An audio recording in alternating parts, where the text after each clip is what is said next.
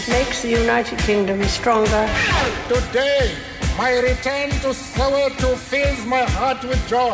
Ladies and gentlemen, welcome to London Heathrow's Terminal 5. Bon dia, Joan Carlin. Bon dia, Roger Escapa, què tal? Molt bé, i tu? Molt bé, molt bé, molt bé. Uh, veig que hem de tornar de parlar de Boris Johnson, que no sé si aquest estiu marxarà de vacances Boris Johnson, um, després que l'exprimer ministre britànic ha tornat a omplir titulars perquè una comissió parlamentària ha dit que va amagar informació deliberadament sobre les festes que va fer durant el confinament per Covid. Amagar informació deliberadament, bàsicament, el que vol dir és que va enganyar directament al Parlament britànic, John. Sí, mira, Boris Johnson, ¿qué, personaje. Es que para nosotros, claro, los periodistas es una, es una terrible pérdida que, parece que va a abandonar la vida política, aunque con este nunca se sabe. Eh, puede volver a, aparecer en otra reencarnación más adelante, pero eh, se vio obligado a, dimitir. O sea, este tipo que fue primer ministro hasta hace muy poco, famoso en todo el mundo, eh, ha dimitido incluso como parlamentario ahora y, y no tuvo más remedio que hacerlo tras una investigación de 14 meses de un comité parlamentario de siete diputados, cuatro de los cuales eran de su propio partido y, y absolutamente lo, lo, lo destrozaron y, y, y, se centraron básicamente en lo que te acuerdas que llamamos el, el Party Gate, ¿no? Mm. Que, que durante el confinamiento su propio gobierno ahí estaba imponiendo estas reglas, que la gente no podía salir de casa, que no se podía reunir con más de, no sé, tres personas o lo que sea, eh, la gente, no sé, no podía juntarse con sus familiares para, por ejemplo, llorar la muerte de seres queridos y mientras tanto eh, un, una fiesta tras otra en, en, Downing Street, en la residencia oficial de, de Johnson, el primer ministro, y después cuando le preguntaron por esto en el Parlamento, él mintió y esto fue lo que, lo que acabó con, lo que acabó con él. Mm. Què està fent aquest senyor ara mateix, John? Que, perdón, ¿cómo? ¿Qué, ¿Qué, está fent aquest senyor sí. ara? Bueno, creo que, que en este preciso momento está de vacaciones. Uh -huh. Um, Boris Johnson siempre, bueno, siempre, en los últimos años, de que se ha vuelto famoso, va de vacaciones a lugares muy, muy lujosos. Eh, estuvo, no sé, en Marbella hace poco, en la casa de un hombre súper rico que tiene una de estas plataformas para helicópteros en su casa. Se va a lugares, a islas remotas del Caribe. Eh, le gusta mucho Dominica Republicana. Creo que está ahí ahora. Pero mira, hay una noticia. Eh, nueva, que, que, me sorprendió ayer. Yo de vez en cuando entro en la página web del Daily Mail, un tabloide de mucho éxito en Inglaterra, y Boris Johnson tiene una columna ahora, a partir de ayer, en el Daily Mail. Mm. Y eh, antes de ser primer ministro, lo hacía en el Daily Telegraph y le pagaban 5.000 libras por columna.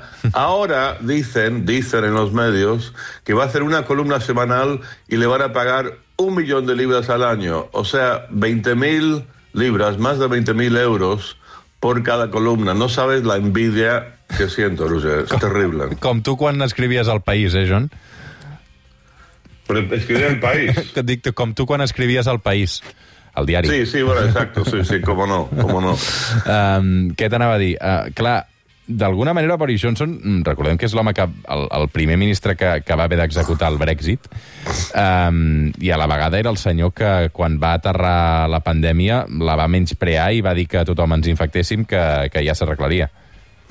Sí, mira, hay el, el, tema del Brexit es, es, es, el gran, gran, gran legado de Boris Johnson. Esto nunca hay que olvidarlo. Este tipo de una deshonestidad absolutamente épica, de una irresponsabilidad absoluta, de un narcisismo colosal y a la vez voraz.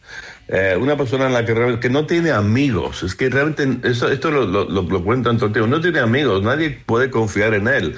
Y este señor es el principal responsable de este gran país que es Reino Unido, que haya salido de la Unión Europea porque él fue la figura decisiva en la campaña, porque en ese momento, pese a sus tremendas mentiras y todo, el tipo tenía caché, tenía un carisma, tenía esa buf bufonería ese, ese, aspecto payasesco que caía bien con la gente. Y no tengo la más mínima duda de que si él hubiera optado por hacer campaña contra el Brexit, no hubiera habido Brexit en Inglaterra. Y las consecuencias ahora son desastrosas. O el país está en la ruina.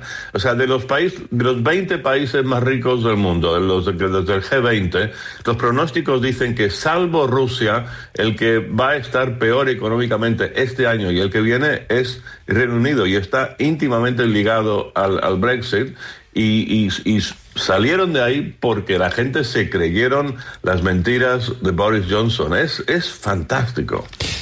Han passat ja set anys d'aquell referèndum, eh? Set anys, 2016 va sí, ser sí, el referèndum. Sí, exacto, son, son siete años. Eh, esta, esta semana que viene, el tiempo pasa muy rápido. Una cosa que quería decir en cuanto a esta forma de ser de, Johnson es, que algo que estaba leyendo el otro día, que, él fue a este colegio de Eton, Eton College, ¿sabes? Que Eton es como el colegio más pijo del planeta, ¿no? Él fue ahí y, y estuvo ahí hace, que, hace 30, 30 años, algo así. Y el director del colegio dijo en aquel momento de Boris Johnson que es una persona que no cree que las reglas para los demás le aplican a él, que él se puede saltar todas las reglas. Y ha sido consecuente con eso eh, toda su vida, al punto de eh, saltarse las reglas, las mentiras y sacar a esta pobre gente que, que me dan pena ahora los ingleses, que han salido de la Unión Europea pagando un precio económico carísimo. Mm. John Carlin, una abraçada, cuida't, bon dissabte. Una abraçada. Ara tornem.